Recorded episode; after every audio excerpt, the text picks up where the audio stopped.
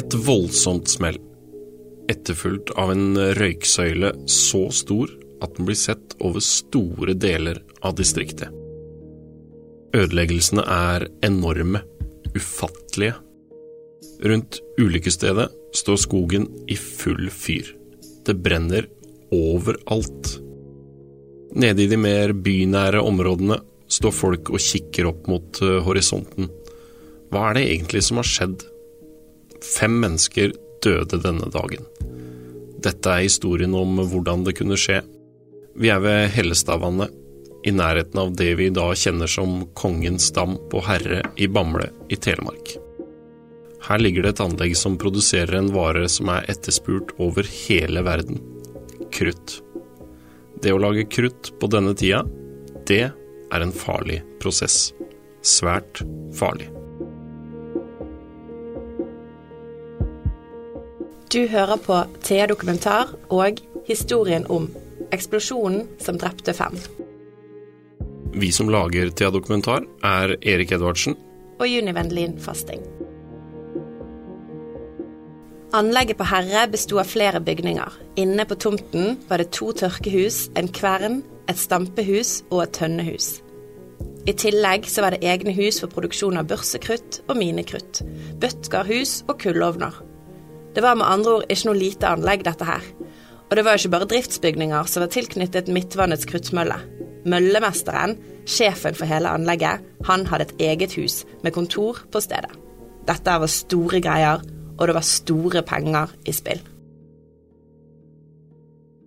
Det var SK Høg i Porsgrunn og banksjef FH Frølich fra Kristiania som bygde Midtvannets kruttmølle, som produksjonsanlegget het.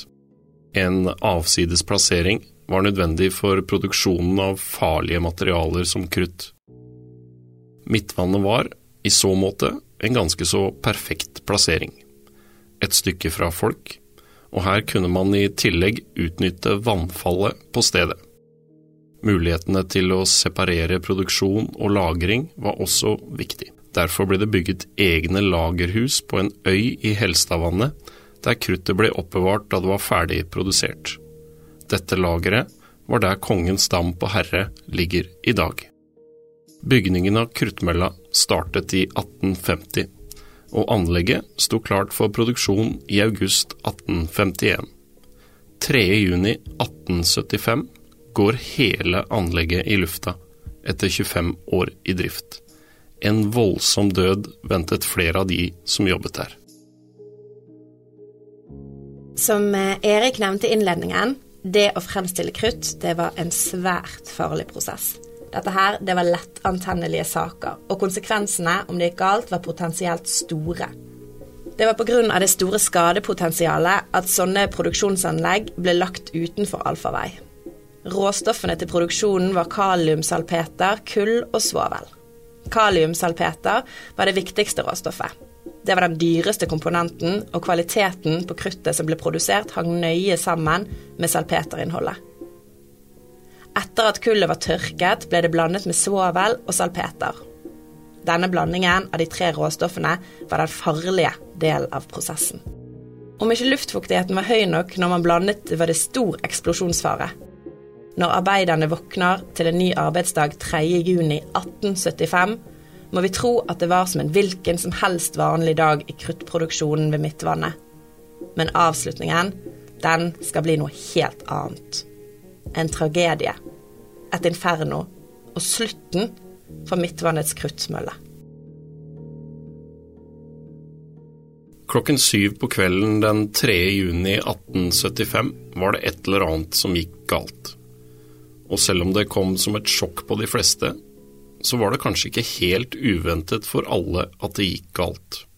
Kruttmester Molvig, sjefen for mølla, hadde ropt varsku tidligere. Arbeidet ved Midtvannet gikk på to skift. Det betød at det var drift mer eller mindre døgnet rundt. Og siden kruttet var så etterspurt, og leveransene fra Midtvannet var ekstra sterke og eksplosive, så var det fristende å jobbe raskt kanskje litt for raskt. Kruttmester Molvig var en streng mann. Han hadde innført regler som skulle gjøre det trygt å jobbe der. All bruk av ild var naturligvis forbudt. Fottøy med spiker var også forbudt. Og kanskje det viktigste, maskineriet skulle ikke overstige en viss hastighet.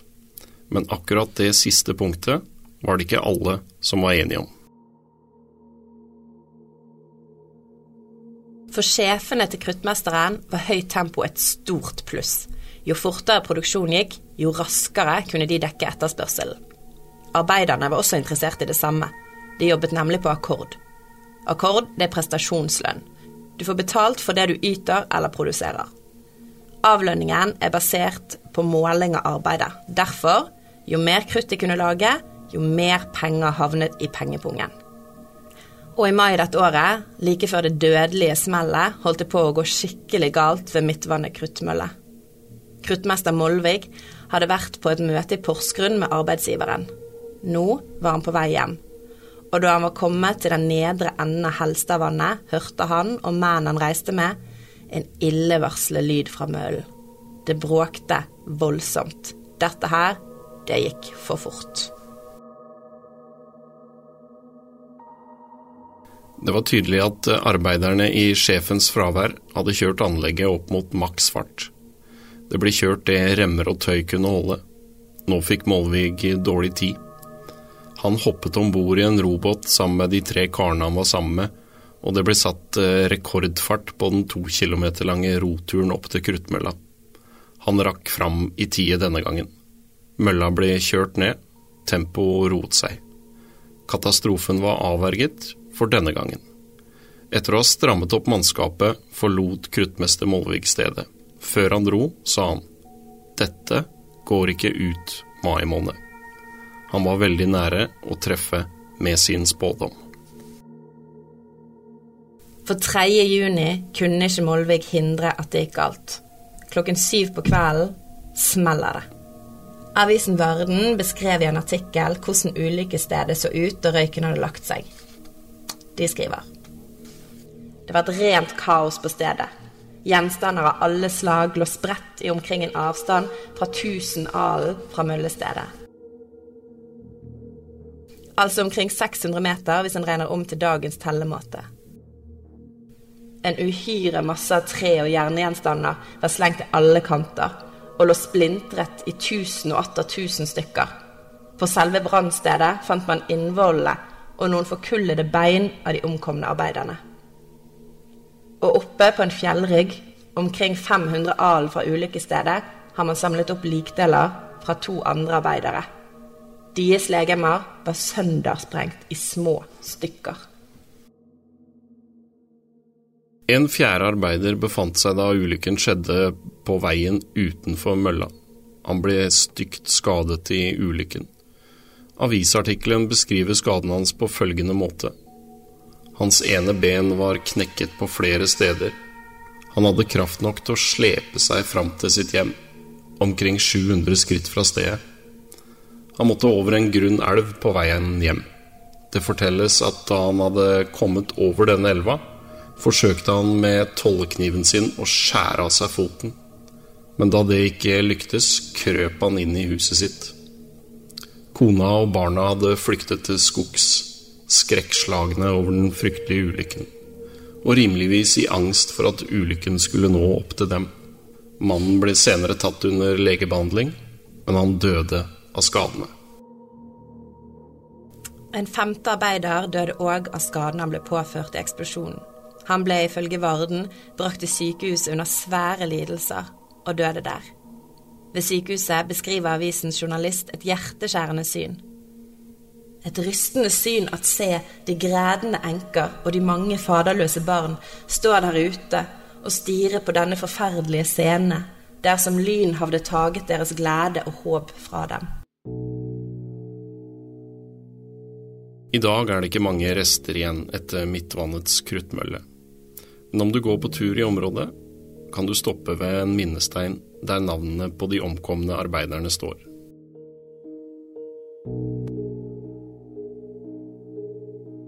Du har hørt Thea Dokumentar, historien om eksplosjonen som drepte fem.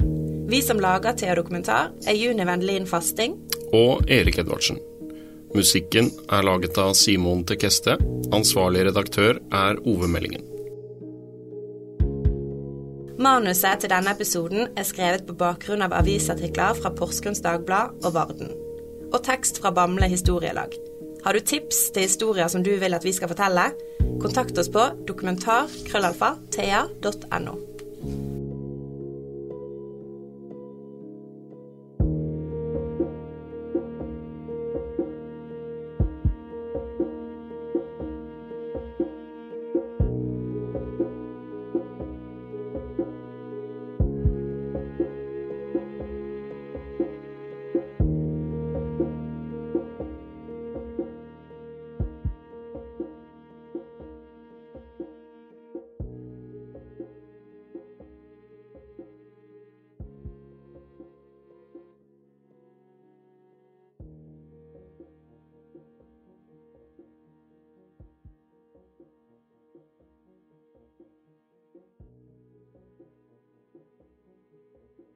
Har du et enkeltpersonforetak eller en liten bedrift? Da er du sikkert lei av å høre meg snakke om hvor enkelt det er med kvitteringer og bilag i fiken, så vi eh, gir oss her, vi.